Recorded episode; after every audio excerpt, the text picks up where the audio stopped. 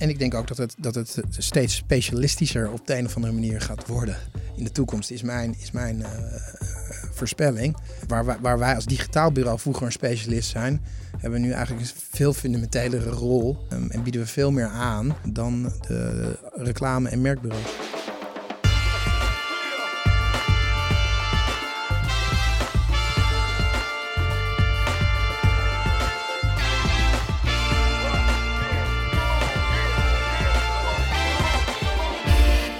Hallo, goedemorgen, goedemiddag, goedenavond of wanneer je dit ook luistert. En welkom bij de Brief, de podcast over content, marketing en media. Vandaag is het maandagavond 21 september 2020. Het is 5 voor 7 sharp in de avond. We hebben net gegeten aan de andere kant van de microfoon, of aan de andere kant van de tafel moet ik zeggen. Mijn waarde vriend en collega Matthijs Stielman. Hallo dan. Hoe is het met jou? Goed. Ja? Ja. Wat, is, eh, wat heeft het weekendje gebracht? Eh, eh, heel veel dingen. Jezus, wat een geïnspireerd antwoord. Ja, nee, het ik was, weet dat het niet in het draaiboek staat, het maar was zo'n weekend waar je heel veel doet, weinig voor jezelf doet. Dus heel veel dingen afgevinkt. Eh, en verder gewoon niet zoveel. gewoon ontspannen begin van de week. Ja, een drukke dag weer achter de rug. Maandag, hè, meetings. Leuke dingen? Potentieel hele mooie dingen, ja, zeker. Nou, dit is de meest abstracte intro die we ooit hebben Ja. gedaan. Dus la- laten we het wat specifieker maken. De beste Ja. content die je hebt gezien in de afgelopen tijd, week. En er was een heel klein artikeltje wat ik tegenkwam in, eh, in het laatste printabonnement wat ik heb in, in de Harvard Business Review. Oeh. Die ik altijd heel pretentieus op tafel leg als ik gasten krijg. Ah, vandaar dat dat ding er lag. ding. Ja, ja. Nee, ehm, maar dat artikel heet Make Hay from that Unfair Review. En we kennen het natuurlijk allemaal wel dat eh, op review sites eh, de, de meest debiele dingen geroepen worden over, eh, nou ja, gewoon best wel legit eh, ja, ondernemingen of, eh, of, of plekken waar je naartoe kunt gaan. Leuke voorbeelden. Eh, more like mediocre canyon, schreef iemand over de Grand Canyon. Heel goed, Mark. Ehm, een review eh, die iemand schreef bij McDonald's. The ice cream was too cold. Ehm, Kan je kritiek op hebben, hè? Ja. En de Eiffeltoren werd omschreven als just a big lump of metal. Ben ik het volstrekt Ja, serieus? Ja, vind, maar dat komt ook omdat ik een Parijs een overgewaardeerde stad vind. Oké. Laat, laat die brieven maar komen, Ja, jongens. doen we een andere keer, eh, gaan we daar verder op in. Ja. Maar goed, dat soort reviews kennen we natuurlijk allemaal wel. Ehm, dat, ja, en heel veel bedrijven die, die krijgen daar toch vaak wel een beetje angstzweet van. Van holy shit, mensen die zijn allemaal super onterecht bezig en dit slaat echt helemaal nergens op. Deze mensen zijn er ingedoken, die hebben ongeveer 3000 voorbeelden opgezocht van eh, positieve reviews, eh, negatieve reviews en overdreven negatieve reviews. En daar kwamen best wel interessante dingen naar boven, namelijk dat die overdreven eh, negatieve reviews ehm, er bij 43% van de mensen voor zorgt dat ze je merk helemaal niet minder leuk vinden. Ehm, dus dat het eigenlijk helemaal niet zo erg is. En het mooie is dat 25% van de ondervraagd vindt je merk daardoor zelfs sympathieker en leuker. Eh, waardoor komt dat dan? Dat komt omdat door zo'n debiele review je empathische eh, gedeelte van je hersenen getriggerd wordt. En daardoor, eh, ja, je kan het dus medele medelijden, medeleven met je merk krijgt en dus meer sympathie voelt voor je merk. Dus uiteindelijk kunnen die, die dingetjes in je voordeel werken.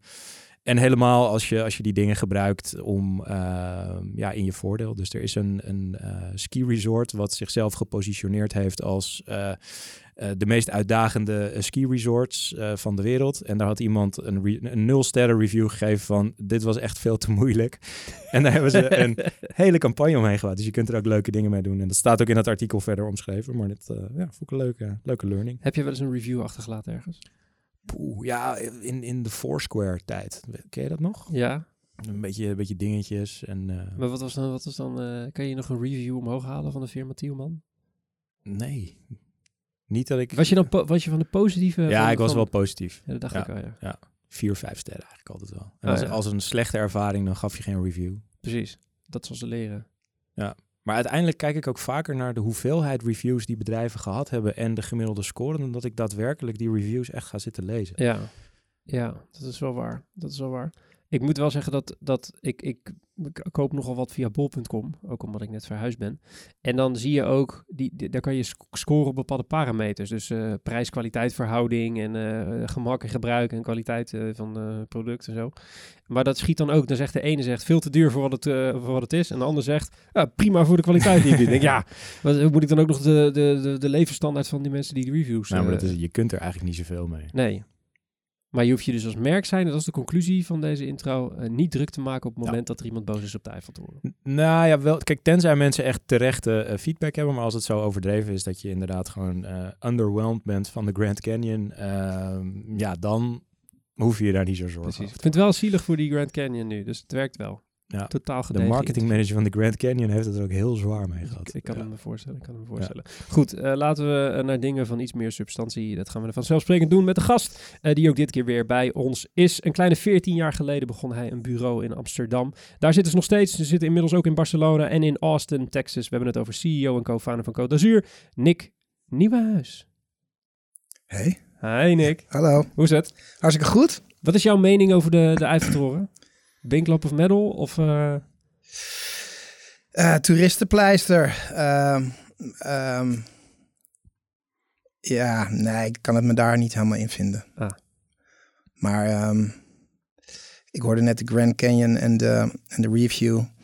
En ik moest meteen denken aan een, een onlangs een National Geographic documentaire die ik zag over waarin aan werd getoond hoeveel helikopters de Grand Canyon vervuilen.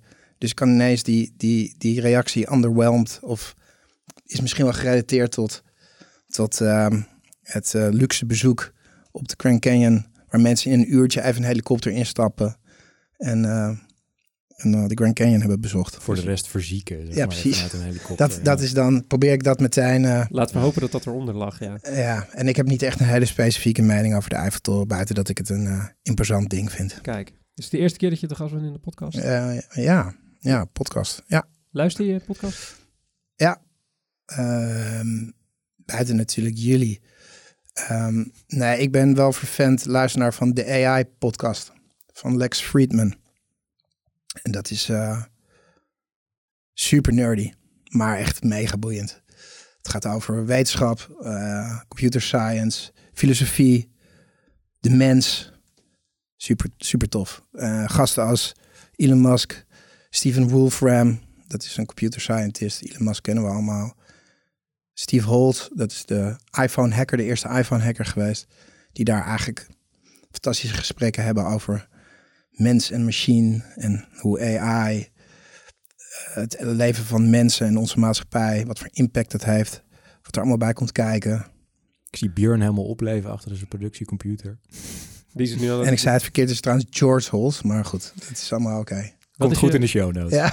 Wat is je, wat is je podcast luistermoment? Is het, is, het, is het sport? Is het naar huis rijden? Is Nou, het, eh, Ja, het is een beetje een, een, ehm, een eh, inderdaad een moment dat ik onderweg ben. Eh, of eh, vakantie. Ehm, ik, ehm, of loop of zo, dus zo- dat soort dingen. Ik ben erachter gekomen, ik ben niet zo goed in een paar dingen tegelijk doen. Maar het fenomeen een podcast luisteren en, en lopen, dat is rennen dan niet, gek genoeg, maar lopen, dat kan ik. Precies. Ja. Dus je gaat gewoon een, een blokje om elke, elke avond? Nee, nou, ik, ik loop wel eens naar kantoor 's ochtends of, of loop terug, vind ik dan lekker. En dan is een podcast eh, zeer welkom. Lekker. Ja. Nou, laten we hopen dat we er een mooie show van gaan maken. Doordat eh, een medeloper aan de andere kant van deze microfoons en, eh, en koptelefoons eh, Cool. jou al lopend mee gaat krijgen. Ga zo verder met je praten, maar we gaan eerst even, zoals u van ons gewend bent, naar het nieuws. Maar eerst eventjes dit.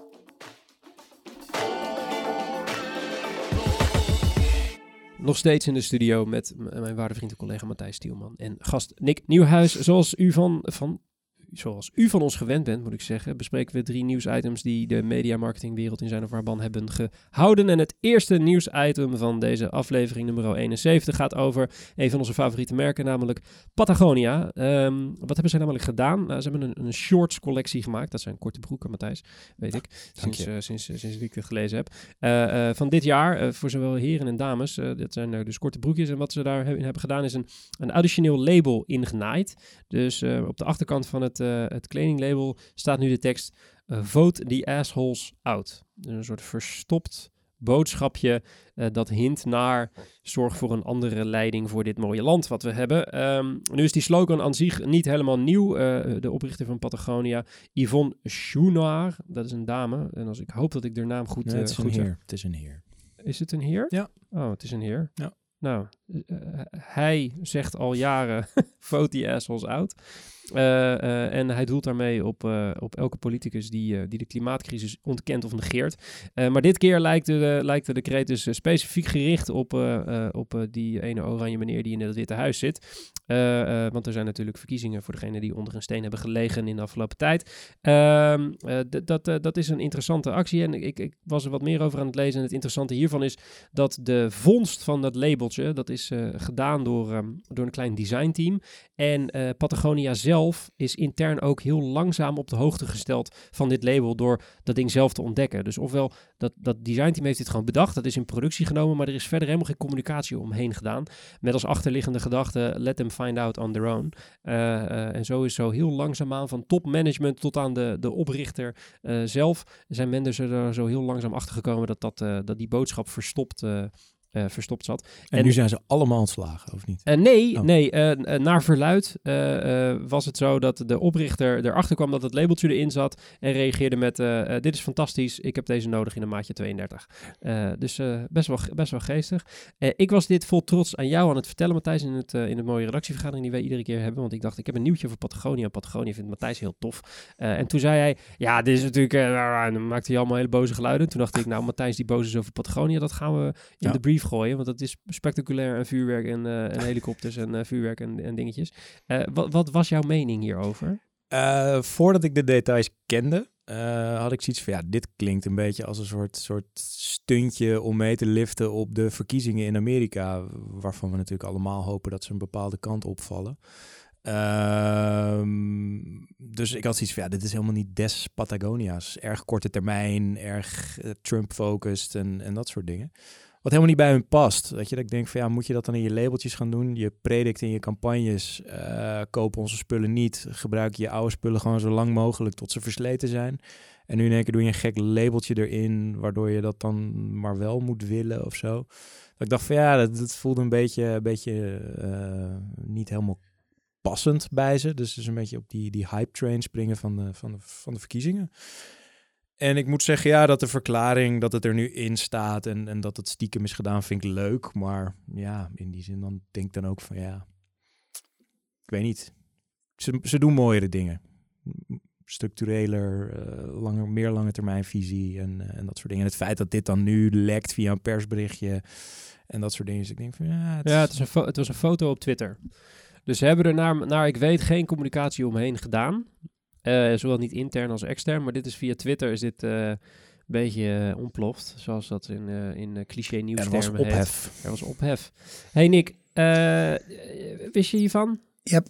Wat vond je ervan? Goed, ja, geloof je Ja. het? ik, de, ja, als we het over klimaatverandering hebben en we willen iemand, ehm, we willen een verandering teweeg brengen en vanuit het DNA van Patagonia begrijp ik het wel. Goed, ik vind, ik vind, ik, ja, het is een stunt, maar het is wel een noodzakelijke stunt. Dus ehm, vandaag zag ik toevallig ook dat Foodlocker eh, alle winkels in Amerika openstelt voor Gen Z, voor voting. Dacht ik, oké, dit soort dingen, als je dat allemaal bij elkaar optelt, zijn dat gewoon goede, goede initiatieven of stuntjes. Of, ehm, ja, ik denk dat het eh, uiteindelijk wel eh, iets, iets bijdraagt. Aan de andere kant hoor ik ook wel, eh, is, het, is het fundamenteel genoeg, structureel genoeg? Nee, maar het is nu wel even nu of nooit of zo. Dus Ja, het moet ook wel. Ja. Eens. Ja, misschien dat die noodzaak ook een beetje commercieel ingegeven is. Het is natuurlijk ook een, denk ik, onder bepaalde consumentengroepen een gevoel dat het nu of nooit is. Dus het is voor merken ook makkelijk om daar mee te liften. Maar ik vind zo'n initiatief als, eh als Foodlocker, waarin je echt iets functioneels ja, doet. klopt. Maar aan de andere kant, om, om Patagonia toch het, eh, het nodige de hart om de riem te steken, want ze hebben het natuurlijk heel zwaar. Eh, eh, ze doen ook een hele hoop natuurlijk achter de schermen al. Eigenlijk vanaf de oprichting. Eh, ik, ik kan me nog een actie herinneren waarin ze de volledige Black Friday opbrengst eh, volgens mij Ja. en, eh, en eh, alle winkels dichtgooiden op Black Friday. En nou, dat soort... Ja, of je shirt wat kapot is van vier jaar geleden. Gewoon kan maken. later, ja, dat, repareren. precies. Ja, Ja, maar Maar- daarom geloof je ze, denk ik ook wel. Of, of weet je, in die zin, ik zat een beetje te mopperen natuurlijk. En, en dan zie je dat er wat meer achter zit. Dus dat was niet helemaal terecht. Maar omdat zij dit zo in hun DNA van het bedrijf hebben zitten, eh, ben je ook sneller vergevingsgezind. En, en geloof je dus ook dat er oprecht iets achter Ja. zit. Terwijl als een, een ander merk dit had gedaan, had je al veel sneller gedacht van ja, je lift gewoon even een beetje mee. Ja. Dus eh, De verborgen boodschap die niet verborgen is. Ja. Ik zou wel zo'n t-shirtje willen hebben. Ja? Ja. het was een short. Het was, oh ja, het was een short, ja. Ja. maar ja, ik draag alles zoals je kan zien. Ja, Eh Matthijs, tweede nieuwsitem. ja dat was niet gaat echt een, gaat over een dame die we, die we kennen. Ja, over eh, Emily, ik moet haar achternaam goed uit. Emily Ratajkowski. Eh, model, eh, actrice en ehm, ja, we hebben er allemaal waarschijnlijk wel eens voorbij zien komen. En die heeft een, een artikel geschreven ehm, en dat heet eh, Buying Myself Back, When Does a Model Own Her Image? Ehm, sowieso een, een, een eh, goede, goed geschreven artikel van deze dame. Heeft ze zelf geschreven op voor de website The Cut. Ehm, ja, en daarin omschrijft ze zeg maar hoe het dus werkt. Wij kennen haar natuurlijk van alle foto's die over het internet zwerven en, en dat soort dingen. Ehm, en, en zij legt gewoon uit eh, ja, hoe de meeste van die beelden zeg maar eh, de wereld overgaan. En, en een van de verhalen die zij vertelt is, zij loopt over straat met een bos bloemen eh, naar een vriendin van haar. Een paparazzo maakt een foto van haar. Ehm, zij vindt het een leuke foto en plaatst die foto van die man op haar Instagram. En die kerel klaagt haar aan voor 150.000 dollar omdat hij haar of omdat hij zijn foto heeft. Ja, zij heeft, zij heeft zijn foto gebruikt. Wat natuurlijk heel bizar is. En, en dat geeft je een soort blik in hoe debiel die wereld van beeldrecht en, en dat soort dingen in elkaar zit. Dat je dus gewoon nooit eigenaar bent van je eigen beeld. En dat gaat bij haar best wel ver. Ehm, er is een schilder die maakt schilderijen, die plukt foto's van Instagram en ehm, zet daar een leuke caption onder, alsof het ook echt zo eh, op Instagram gestaan heeft. Ehm, en, en heeft dus ook een foto van haar daarvoor gebruikt. Dus er is een schilderij van een foto van haar met een leuke caption eronder. Ik weet niet eens of het echt een schilderij is of, of gewoon een print van, van die foto. En doet die caption eronder en die schilderijen die gaan gewoon voor 80.000 piek eh, van de hand. Ehm, en zij eh, krijgt dat te horen en ehm, ja, krijgt daar geen euro, niks voor, geen, geen dollar. Ehm, wat natuurlijk ook heel, heel lijp is. En eigenlijk het hoogtepunt van die debielheid is dat... eh, zij is ooit een keer op een fotoshoot geweest. Ehm, die fotograaf die heeft naaktfoto's van haar gemaakt. Een hele berg naaktfoto's. Ehm, heeft haar ook misbruikt. Eh, dus, dus de herinnering die zij heeft aan die fotoshoot is natuurlijk gewoon verschrikkelijk. En eh, wat blijkt als zij het doorbreekt als, als actrice en, en eh, het grote publiek ziet, dan begint deze man in één keer deze foto's te publiceren in boeken. Dus het eerste boek komt uit op het moment dat haar big break is. En schijnbaar is er dus iets fout gegaan tussen haar agent en die fotograaf. Dus er is nooit wat getekend. Ehm, en zij heeft geen poten om op te staan. Dus die, die kerel verkoopt gewoon eh, boeken met haar, haar foto's. eh, brengt vrolijk eh, een jaar of twee jaar later nog deel 2 en 3 van dat boek uit. En kan dat gewoon doen zonder dat zij daar iets voor terugziet. Dus ja, in die zin niet echt nieuws, maar ja, wel een heftig verhaal. Ja, ja die kan hier weinig, weinig meer over zeggen, denk Ja. ik. Het, het is een, een vreemd wereldje. Ik, ik vind, vind met name dat verhaal over die paparazzo gewoon heel erg Ja. vreemd. Kijk, die dat deel- ding met die fotograaf... eh, kijk, dat, dat, dat misbruik... Ik weet niet of het misbruik overigens bewezen is... of dat het in het stuk staat. En dat, nou goed, laten we dat even in het midden laten. Dat is gewoon een hele slechte business deal geweest. Ja. Want dat is gewoon door een agent niet, niet helemaal handig eh, gedaan, zeg Ja. maar. Eh, maar, zo Ja, maar ergens is het natuurlijk gek dat jij op die foto staat. Nou Iemand kan daar vanaf dat moment mee doen wat hij wil. Nou ja, je, maar, je wordt wel, verdienen. maar je wordt wel ingehuurd als model. Dus je bent, bedoel, dat is hetzelfde als dat, eh, stel wij maken een, eh, een video voor een eh, automerk en we huren een model in en dat model wordt later filmactrice, dan hebben wij een buy-out met die actrice gedaan die ervoor zorgt dat we die beelden, beelden mogen. Dat is gewoon op beeldrecht werkt. Dus in, die, in het geval van dat boek en die fotograaf is gewoon een heel, heel dom gesloten deal. Ja, alleen waar jij nu naar refereert is een hele specifieke commerciële klus geweest. Ja, En ik denk dat dit een soort vrij werk kwestie is geweest ja, ja. Ja, voor haar portfolio. voor een paar honderd piek. eh, Ja, en dan wordt het natuurlijk wel echt heel erg shady. Ja, precies. Ja, nee, op, tuurlijk, tuurlijk. Maar dan alsnog zou je, dat, dan alsnog zou je als we het hebben over beeldrechten, vanuit, dat is alsnog een soort zakelijke transactie geweest. Ja.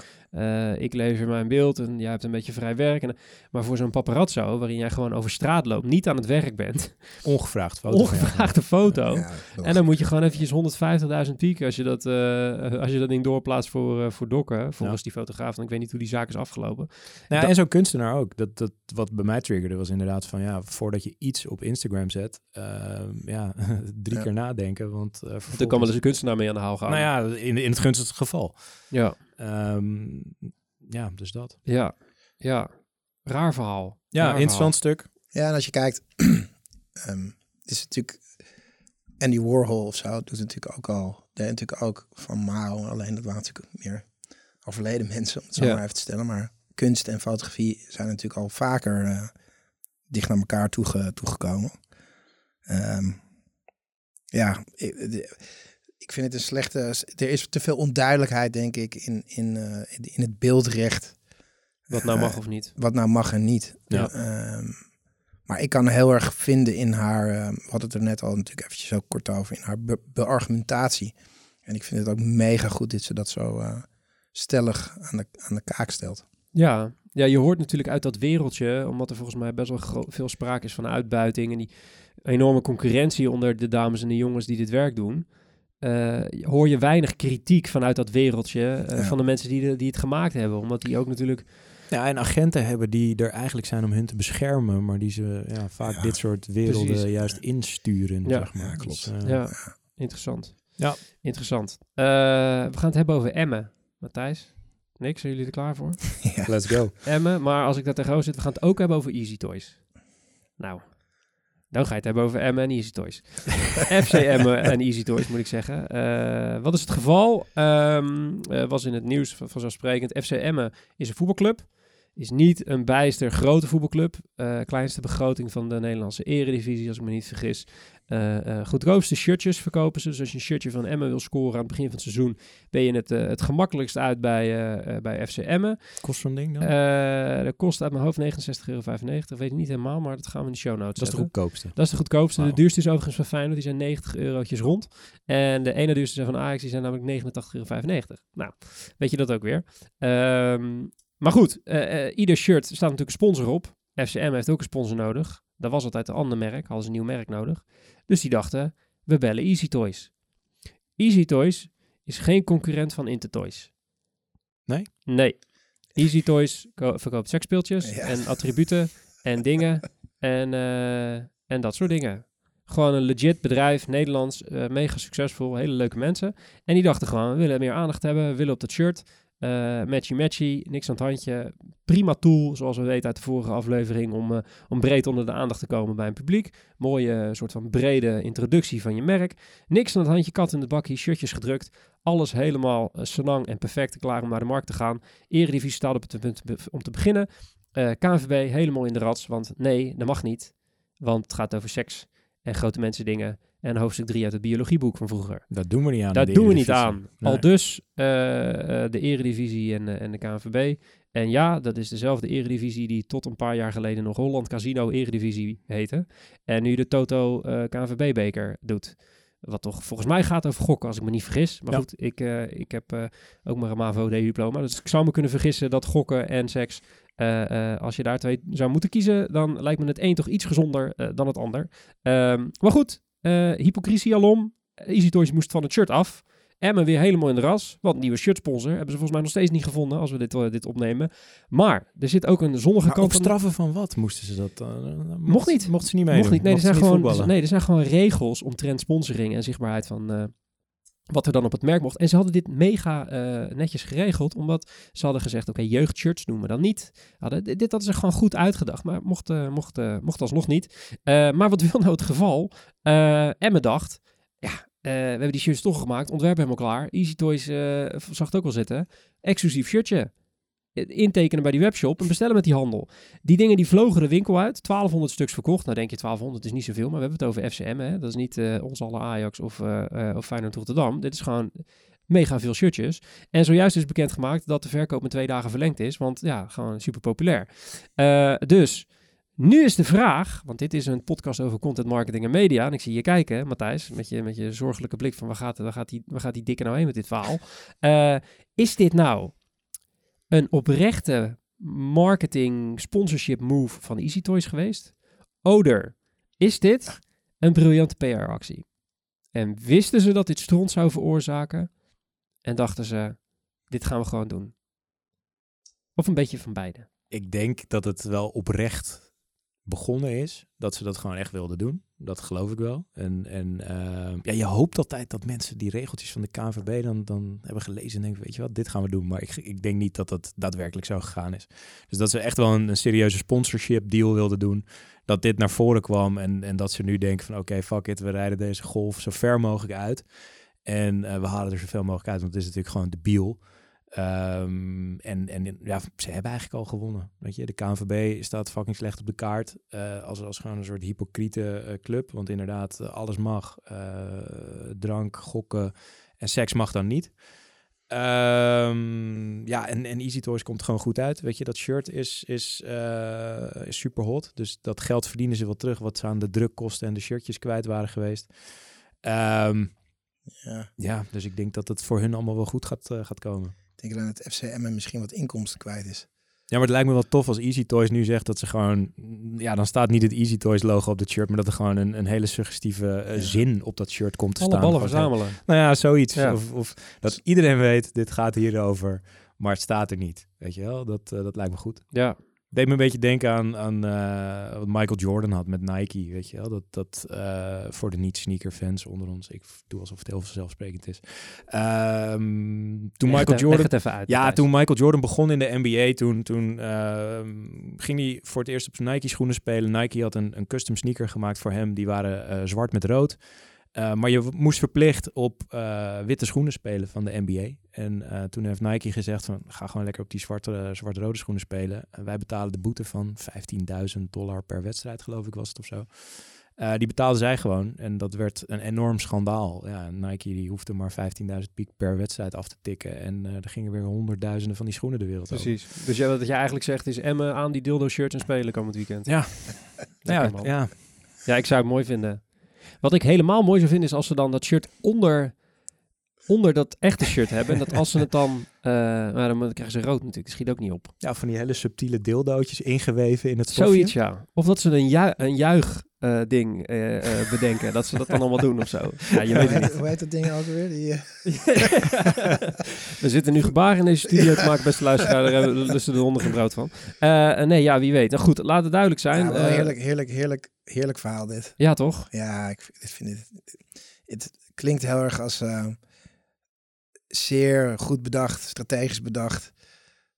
KNVB letterlijk de verkeerde hoek in gevoetbald en er op PR heel veel uithalen. Ja, ja het, is, het, is, uh, het is een mooi verhaal en laat het duidelijk zijn, wij staan dus volledig aan de kant van FCM en, uh, en Easy Toys. Dus ik, uh... En laten we eerlijk zijn, het woord Easy Toys is nog nooit zo vaak besproken in, in uh, ja. de media die ja, het nee, heeft. dat hebben dus, ze goed dus gedaan. in die zin hebben ze al gewonnen. Het deed me En, overigens een beetje denken aan een uh, verhaal dat ik, uh, ik heb het opgezocht wanneer het precies was, 2017, wist ik me nog te herinneren. Dat, toen was er een, um, een voetbalteam aan de, aan de Universiteit van Kent in, in de UK. En die hadden als grapje, hadden ze Pornhub als sponsor, de, de porno-site Pornhub. nu is porno overigens iets totaal anders natuurlijk dan seksartikelen verkopen, laten we dat eventjes duidelijk hebben.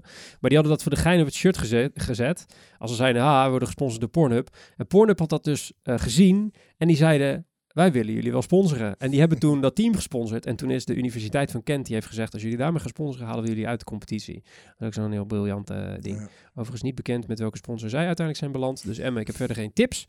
Uh, anders dan, uh, ja, doe die deeldoos in dat shirt verweven en scoren dit weekend. Um, goed. We zijn aan het einde gekomen van dit uh, nieuwsoverzicht. Mocht je nou iets hebben gehoord waarvan je denkt, hé, hey, dat vond ik interessant. Dat ding over Easy Toys Patagonia. Of dat mooie stuk van Emily Ratajkowski. Uh, we zetten alle verwijzingen in de show notes. Die vind je in de beschrijving van deze aflevering. Maar we hebben ook een hele handige nieuwsbrief. Die vind je op boyenparkerkent.com slash nieuwsbrief. Of het linkje in de beschrijving van deze aflevering. Goed, we gaan nu naar het uh, interview. Maar eerst eventjes dit.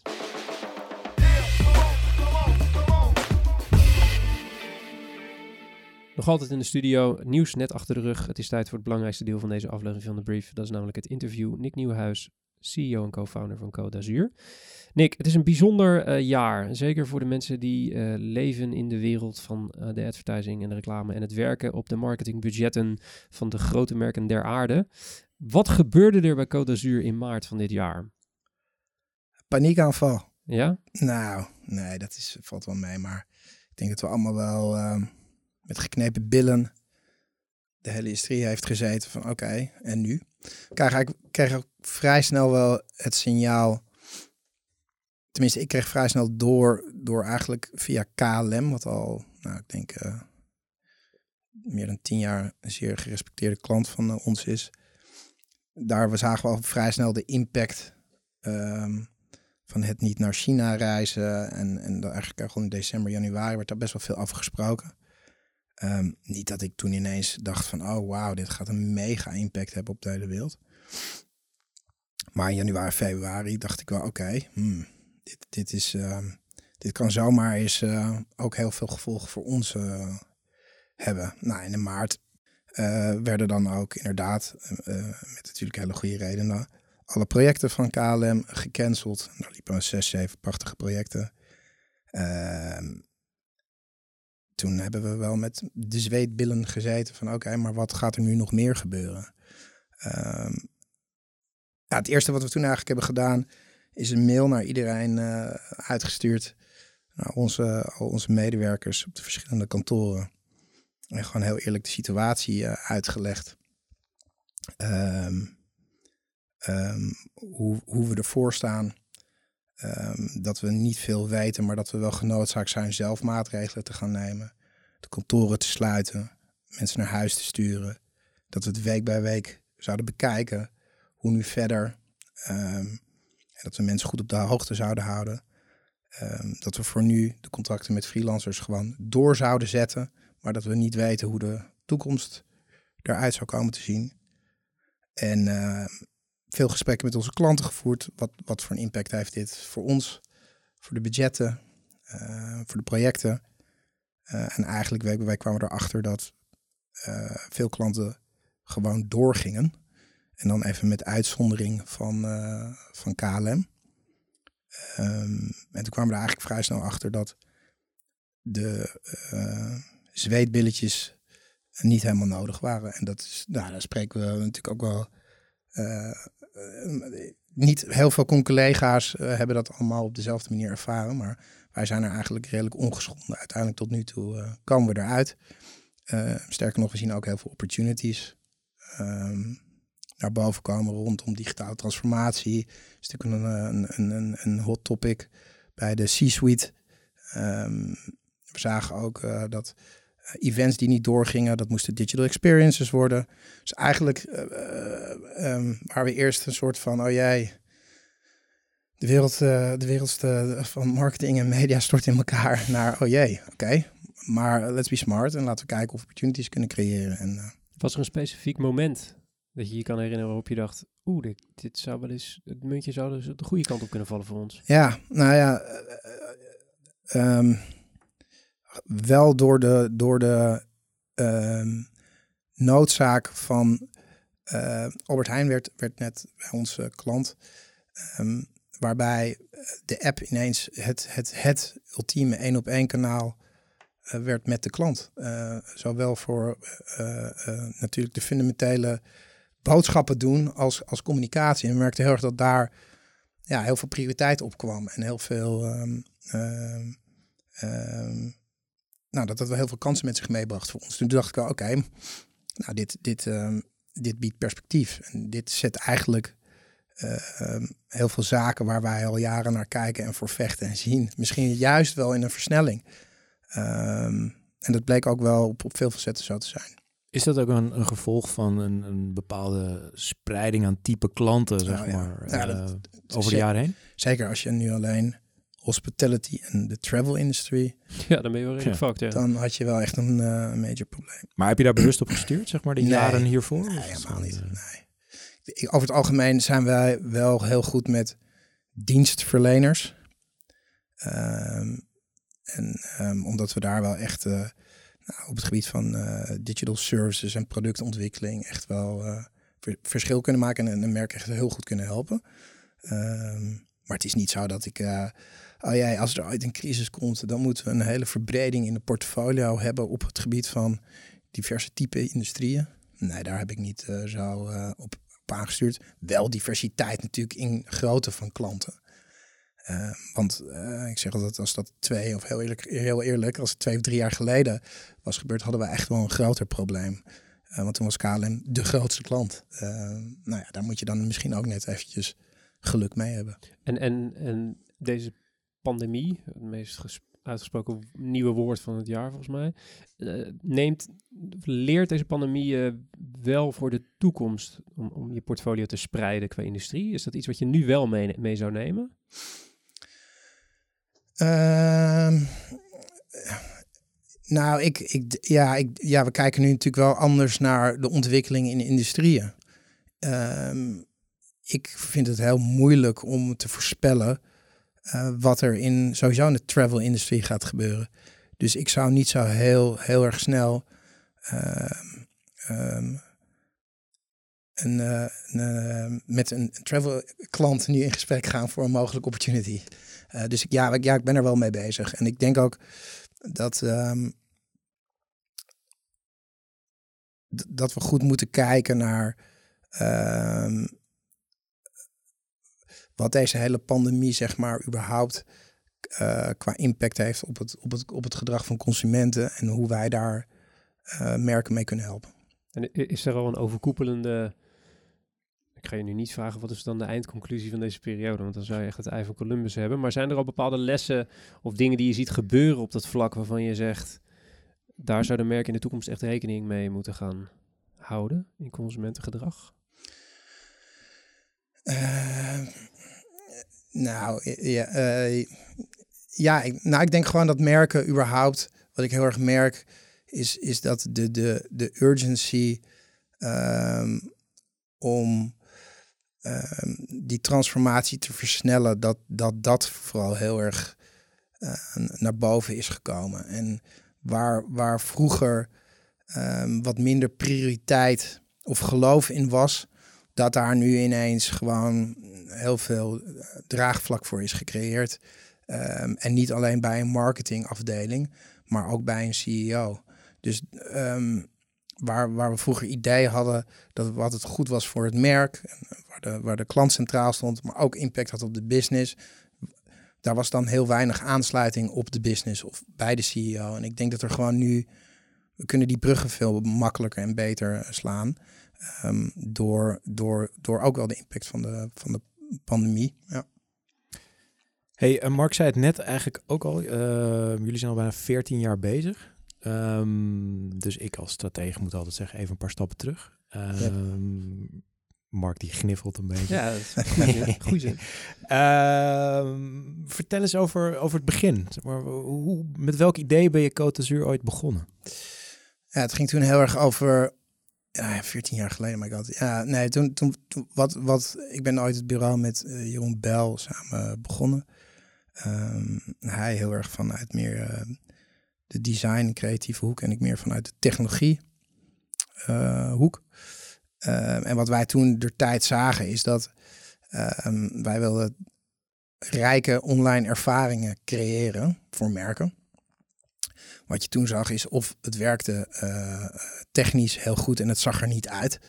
Oh, en, het, en het was helemaal geen ervaring. Of het zag er heel mooi uit en het werkt technologisch eigenlijk voor geen meter. En, en die symbiose tussen een rijke ervaring en, en het, dat het ook nog vernuftig en innovatief en goed in elkaar zat, dat was een beetje ons startpunt. Um, en dat hebben we toen lang voor reclamebureaus, uh, traditionelere reclamebureaus gedaan. Daar zijn we best wel heel succesvol in geweest. Eigenlijk een beetje altijd in de, in de, in de slipstream van, van de, de monks, media monks. Uh, altijd in dezelfde offerte rondjes zaten we vaak. Um, alleen ergens in essentie um, konden we daar onze creativiteit niet, niet in kwijt. Dus na het maken van een bepaalde klus voor een bepaald bureau, waar we zes keer iets anders hadden voorgesteld, Um, en de creatieve directeur zei, als je dit niet gaat gaan maken, dan, uh, dan bellen we een, een, ander bedrijf op om het, uh, om het te maken. we een keertje in de spiegel gekeken en gezegd: Oké, hier worden we niet gelukkig van. Dit is niet wat we willen doen. Als we alleen maar dingen moeten maken voor bureaus waar we, waar we um, in sommige helemaal geen geloof hebben dat ze het echt snappen. Dat ze echt, echt dingen kunnen maken die wij willen maken. Laten we het dan maar zelf gaan doen. Dus toen, ik denk, nou, acht, acht, negen jaar geleden, zijn we toen eigenlijk vanuit onze maakpropositie, waar design en technologie uh, echt wel de core was, zijn we eigenlijk meer denkpower en, en creatieve power gaan, gaan toevoegen. Uh, dat was toen misschien wel een beetje te vroeg in de markt. Zeker wel een beetje te vroeg in de markt. Want toen wilden merken nog gewoon al hun activiteiten onderbrengen bij één bureau. Alle eieren in één mandje leggen. Alleen KLM geloofde wel heel erg in ons. En die liep toen best wel ook al voor uh, op het gebied van uh, innovatie rondom social media. En daar zijn we eigenlijk helemaal mee, uh, met hun eigenlijk een beetje mee, meegegroeid. En hebben hele toffe, mooie dingen mogen maken. Um, maar eigenlijk heeft dat ons ook wel een beetje voorbereid op de, de transformatie daarna, waarin je eigenlijk een aantal jaar de, de, de, de shift zag dat veel meer digitale productiebedrijven rechtstreeks voor uh, klanten gingen, gingen, gingen werken. Ja. Dus, dus je propositie is heel erg verbreed, dus je, je bedrijf is ook, ook veranderd. Hoe, wat doe jij als, als, als CEO om dat verhaal uh, de markt in te krijgen en vooral ook te houden? Hoe, ja. hoe, hoe doe je dat? Nou, kijk, ik geloof heel erg in dat we, wat onze kracht ook wel is en waar ik ook wel behoorlijk mijn schouders onder zeg, is om de continu te veranderen. Uh, en zeker in, in ons vak waar, waar, waar we het net over hadden, consumentengedrag, eh, door de impact onder andere van technologie zo snel verandert, moet je continu je kunnen, kunnen, kunnen aanpassen. Uh, en, en daar ben ik wel echt veel mee, uh, veel mee bezig. Um, en dat betekent nieuwe competenties toevoegen, um, nieuwe service offering, nieuwe capabilities uitbouwen. Um, daar, daar spendeer ik veel tijd aan. Ja, omdat het belangrijk is, uh, denk ik uiteindelijk voor ons bestaansrecht, om daar gewoon continu mee bezig te zijn. Wat, wat, wat definieert dan, uh, of nee, ik moet het anders zeggen. Hoe bepaal je nou welke uh, ja, bandwagon je wel opspringt en, en welke niet? Um, nou, dat doen we wel vanuit, vanuit uh, een bepaalde. dat doen we heel erg vanuit een bepaald mantra. Ehm, dat noemen we stand-out fit-in.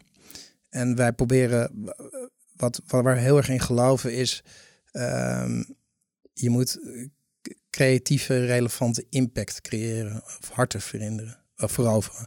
Uh, maar op dezelfde tijd, of, tegelijk moet je ook um, ervaringen kunnen bieden die, die, die uh, seamless zijn. Waar, waar, je ziet heel veel voorbeelden waar het heel erg veel uh, merken lukt en dus ook partners daarvan lukt om mensen heel goed tot de voordeur te krijgen.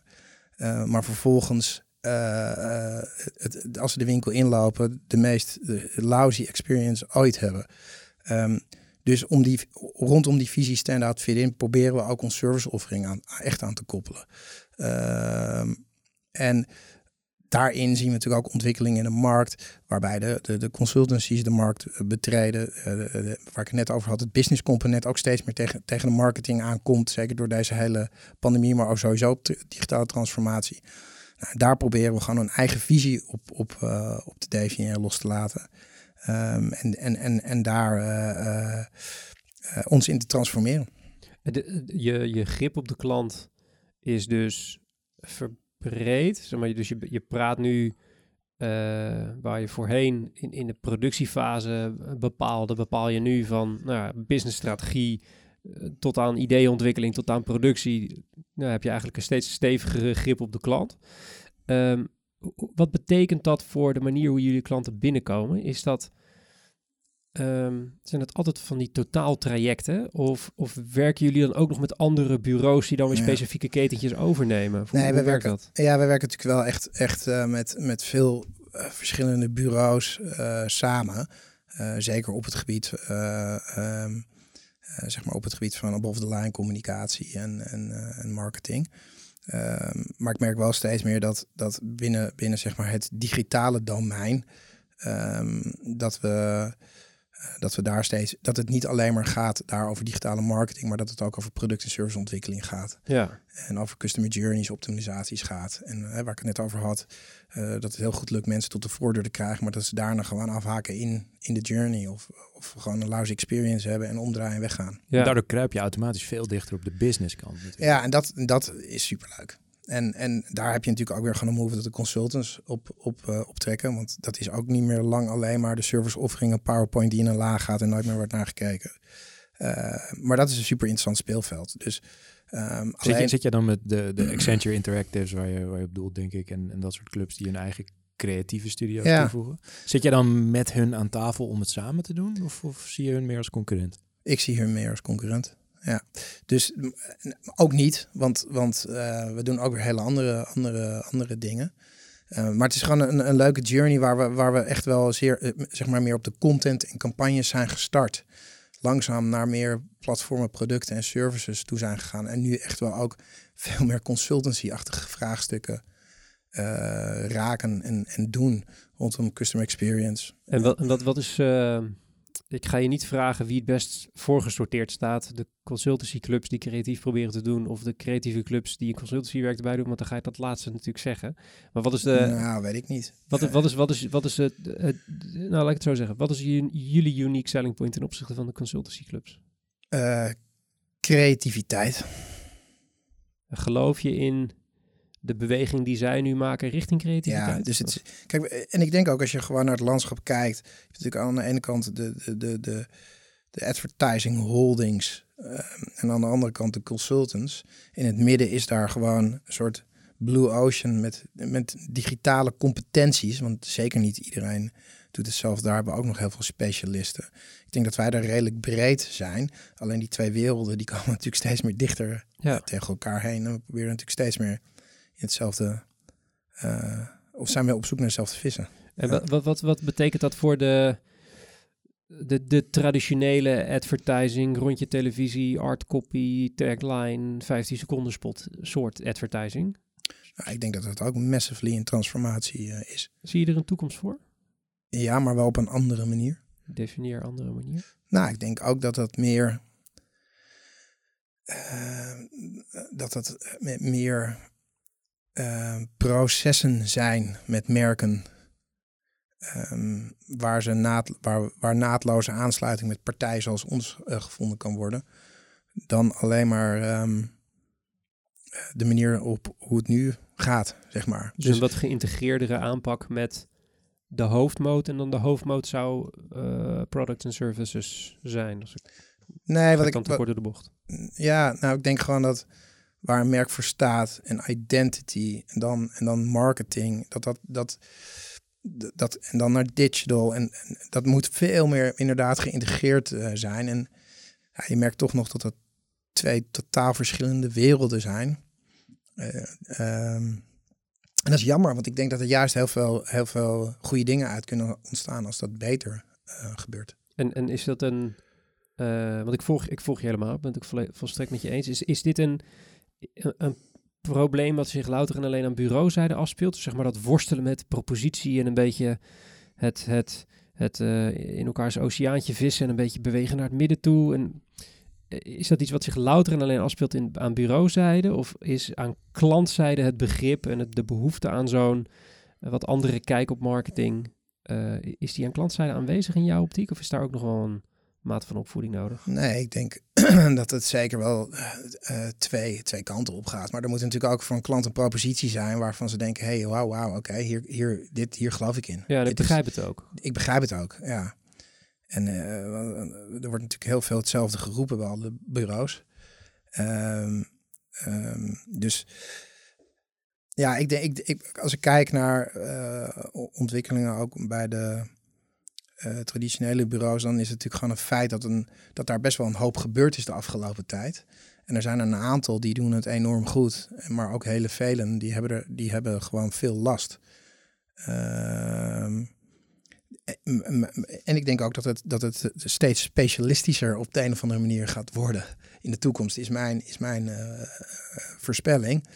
Um, en waar waar wij als digitaal bureau vroeger een specialist zijn, hebben we nu eigenlijk een veel fundamentelere rol ehm, ehm, en bieden we veel meer aan eh, dan, dan, dan de reclame- en merkbureaus. Ja. Precies. Nou, ik, ik hoorde ook wel in, in eh podcast die we allebei luisteren, misschien jij ook wel van professor Scott Galloway. Die zegt: Dit is geen crisis, dit is een soort tijdmachine waardoor we tien jaar eh, in de toekomst zijn Ja. geslingerd.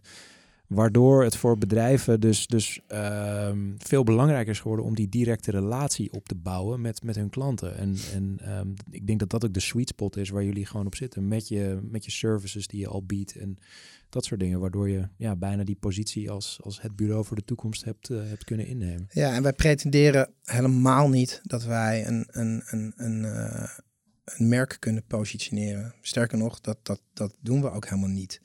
Eh, maar wij geloven wel heel erg in bureaus die dat op een dermate goede manier kunnen doen. Eh, en een merk natuurlijk ook, want dan kunnen wij eigenlijk ook pas goed ons werk doen. En, en eh, als ik hem dan even terugpak op iets wat je net zei, is, is je nam ons een beetje mee door de geschiedenis van Code. En je zei, we, we kwamen er eigenlijk als productiepartij achter dat we meer grip wilden hebben op dat creatieve deel. Ja. Zie je dat zo'n golfje nog een keer gebeuren, maar dan op merkpositionering? In andere woorden, als jij hier over vijf jaar zit, we maken deze mooie show nog steeds, he- heeft Code dan ook ineens een afdeling waar merkpositionering en merkstrategie wordt gedaan? Of zit er een stop op die verbreding uiteindelijk? Ehm, ja, ik, ik geloof wel heel erg in eh, ehm, dat we moeten doen wat we nu doen. En, en ehm, het is gewoon, dat is gewoon echt wel, in ieder geval voor mij echt wel een hele andere tak van sport. En ehm, ik kijk ook altijd met veel waardering naar, naar dat soort bureaus die dat soort dingen eh, kunnen creëren, als ik het goed vind. Maar ehm, nee, ik zie dat ons niet zo snel doen. En zie je hun de andere kant op bewegen? Nou, het, het, het grappige is eigenlijk altijd dat wat, wat ik veel heb gezien, is dat ehm, reclamebureaus op een gegeven moment ook iemand van technologie aan boord hadden. Die, die, die, die spreken allemaal niet dezelfde taal. En, en, en ehm, die, die kant heeft dat nooit opgewerkt. Ehm, de andere kant is niet misschien helemaal hetzelfde, maar zie ik ook best wel zo complex of zo. Dus wij zijn gewoon een heel ander bureau. Wij snappen heel goed, wij, wij, wij snappen heel goed het belang van een merk en kunnen daar heel goed mee werken. Ehm, maar het, het zelf eh, merkpositionering, eh, trajecten doorlopen. ehm, ik, nee, ik zie dat steeds meer straks ook als een, als een mega specialisme worden. Precies. Dus Ja. gewoon die, en, en, en op die fundering bouwen jullie dan.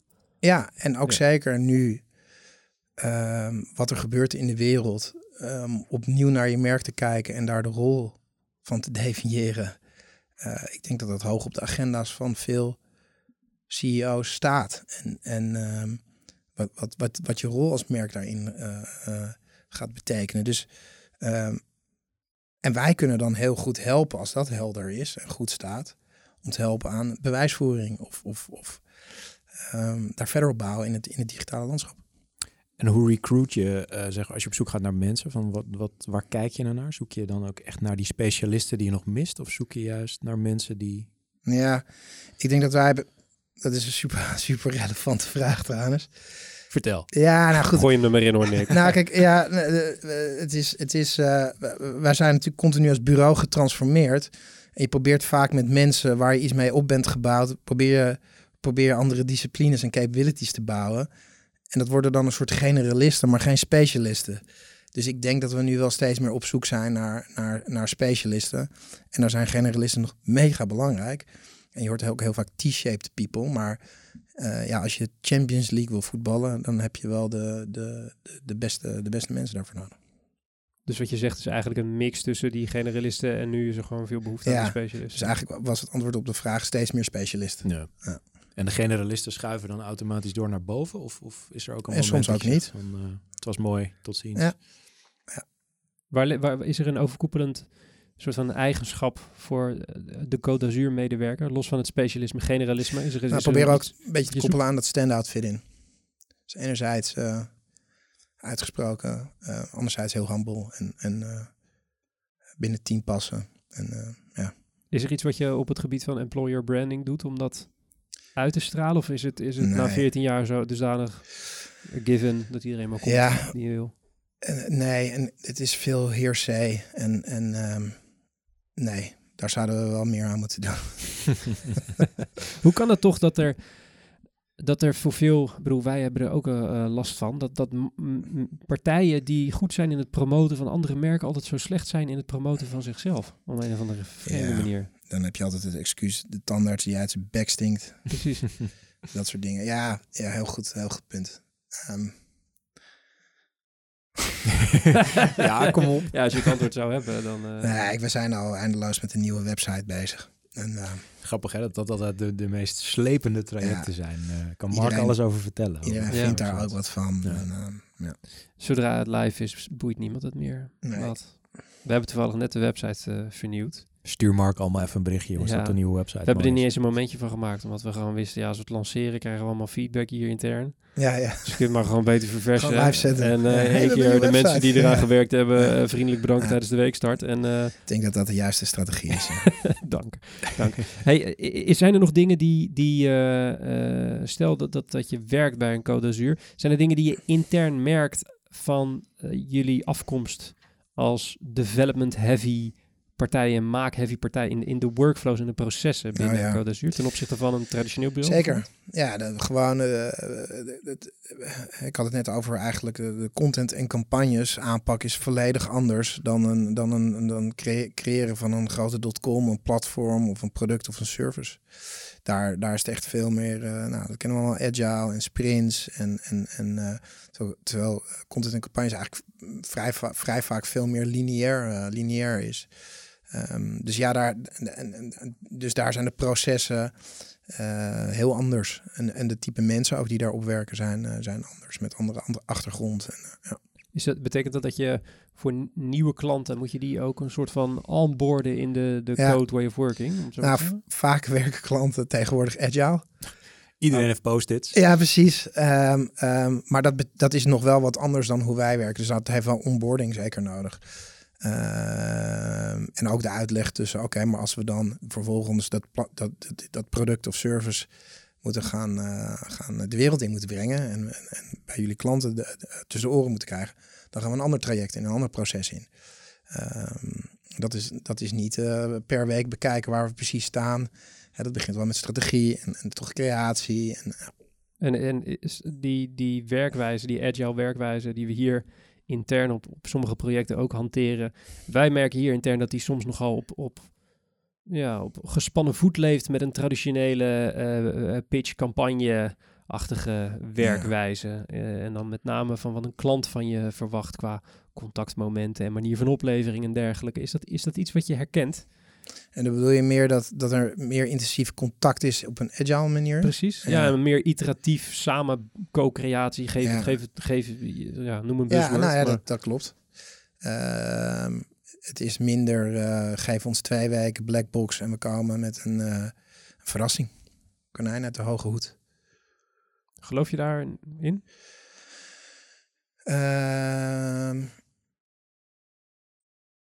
ik denk dat het, eh, het heeft allebei zijn kracht.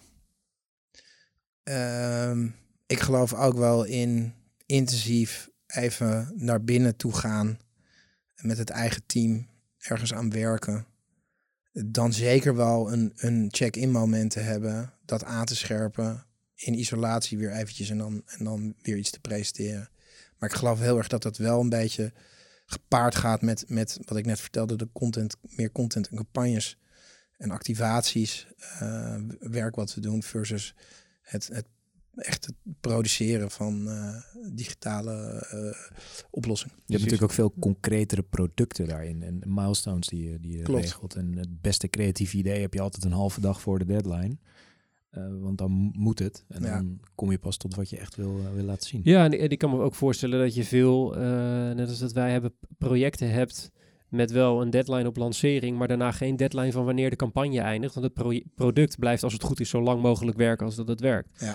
Eh, dus dat verandert natuurlijk ook de werkwijze wel een, eh, Ja. een heel klein beetje. En ik kijk naar de, naar de toekomst, als we dat eh, ehm, kunnen doen in een raar jaar als dat dit is. Vorig jaar openden jullie een tak in Austin, Texas. Jullie zaten al in Barcelona. Ja. Eh, ik kan me voorstellen dat eventuele internationale uitbreiding van Côte d'Azur heel eventjes op een laag pitje staat. Met eh, een een gebrek aan vliegenuren Ja, die er letterlijk en figuurlijk eh, eh, in 2020 eh, eh, zou- jullie zijn overkomen. Ehm, liggen dat soort plannen op de, op, op de plank voor een 2021? Ja. Dus inderdaad heeft het eh, iets, eh, iets langer stilgelegen. Ga, we gaan wel over nou, over een aantal weken iets bekendmaken wat in deze categorie zit. Eh, Dat mag je nog niet zeggen. dat mag ik nog niet, eh, Ja, nog niet roepen. Maar nee, zeker. Dus, dus we, we bedienen steeds meer eh, klanten eh, wereldwijd. Dus is het gewoon handig en goed om, eh, eh, om op verschillende, markt, in verschillende markten aanwezig te zijn. China? Eh, ehm, ja, staat ook zeker op de, op de lijst. Hij Ja. helpt niet. Nee, ja, product Nee. te ontlokken. Nee. Nee, nee maar, maar ja, dus, dus we hebben gewoon nu de afgelopen eh, anderhalf jaar, twee jaar zijn er gewoon twee grote internationale klanten ehm, eh, bij ons eh, gekomen waar we fantastisch werk voor mogen maken. Maar dat eh, impliceert ook dat we in, in een aantal markten aanwezig moeten zijn om daar eh, die klanten ook te kunnen bedienen. Ja, En dat vinden we helemaal niet erg, want dit is precies wat we willen. We willen graag, wat ik net al zei, Champions League voetbal spelen. mooi. Zijn we bijna weer terug bij Emmen. De cirkel is bijna rond. Eh cliché vraag wellicht, maar eh, bureau-directeur, 14 jaar. Wat is de volgende stap voor Nick? Ja. Nou,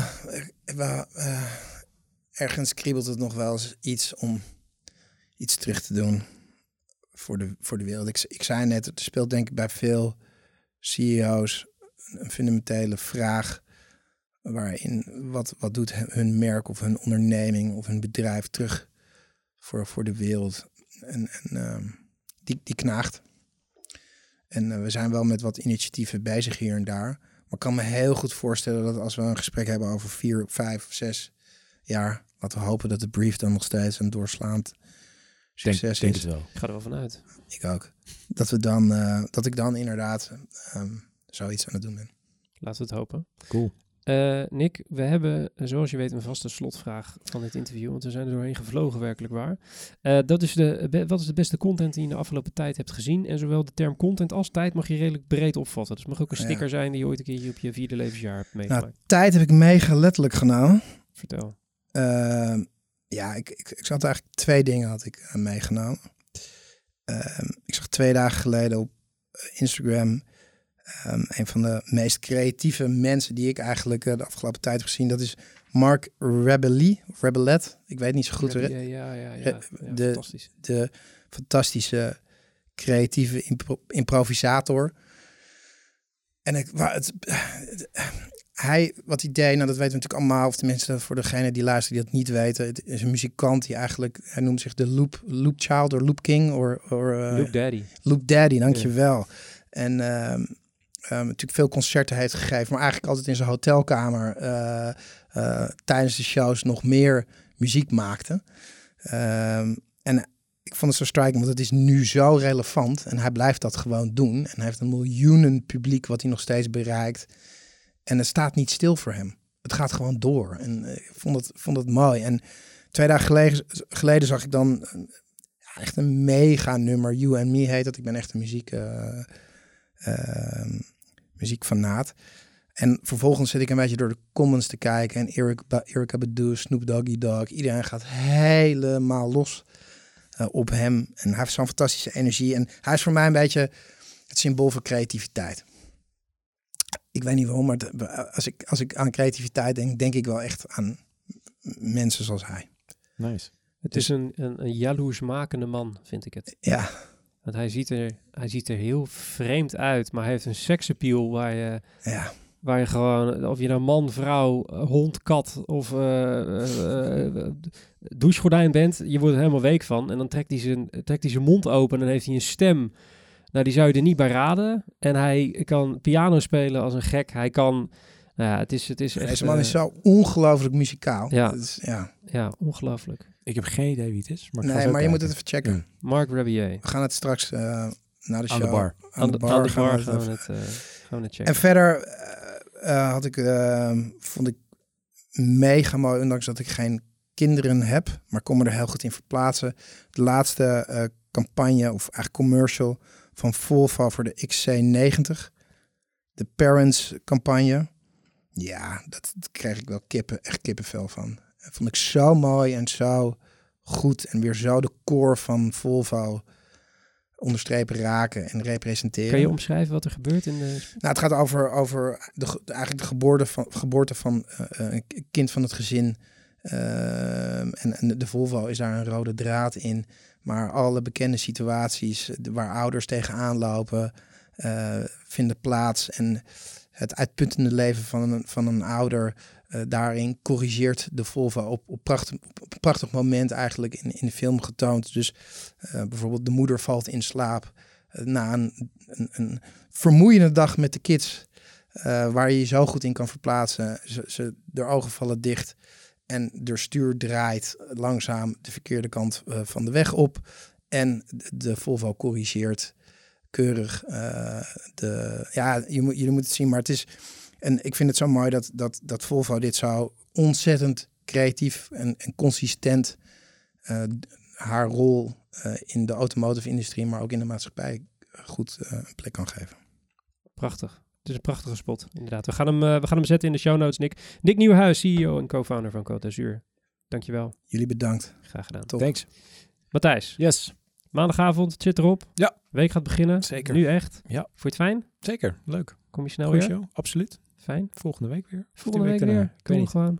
Geen probleem. Ga jij lekker volgende week hier zitten. Ik zorg wel dat ik er ben. Top. Helemaal goed. En dan eh, rest mij niks anders dan u, de fijne luisteraar, ook te bedanken voor het luisteren. Maar niet voordat ik u heb verteld dat alle referenties die we hebben gedaan in deze show te vinden zijn in de show notes. Die vind je in de beschrijving van deze aflevering. En daar zijn alle linkjes niet klikbaar. Dus we dachten, bouwen we daar gewoon een nieuwsbrief omheen. En dan vind je ze allemaal zo netjes in je mailbox. Kan je overal netjes op klikken en alles nalezen. Al die interessante dingen die Nick of Matthijs of ik per ongeluk heb eh, gedeeld in deze aflevering. Die staan er dan allemaal mooi. Die vind je op wayneparkercamp.com slash nieuwsbrief. Of de URL die je dus vindt in de beschrijving van deze aflevering. Ben je al geabonneerd? Heel goed, eh, braaf gedaan. Eh, ben je dat nog niet? Doe dat dan even snel. Zeg tegen al je collega's dat ze dat ook doen. En eh, bel je moeder en zeg dat dan ook even tegen haar. Dan hebben we weer een abonnee erbij. Goed, de brief wordt gemaakt door Wayne Parker Kent. Productie wordt gedaan door de onvolprezen Björn Zwagerman. Die heeft geen microfoon, maar die gaat wel wat zeggen. En de redactie wordt gedaan door Max Deerve en Famke Algera. Allebei in de studio en hebben ook geen microfoon, maar die gaan ook wat roepen. Volgende aflevering is over twee weken te gast dan. Dat houden we nog eventjes geheim. Mijn naam is Mark Schoones. Bedankt voor het luisteren en tot de volgende keer.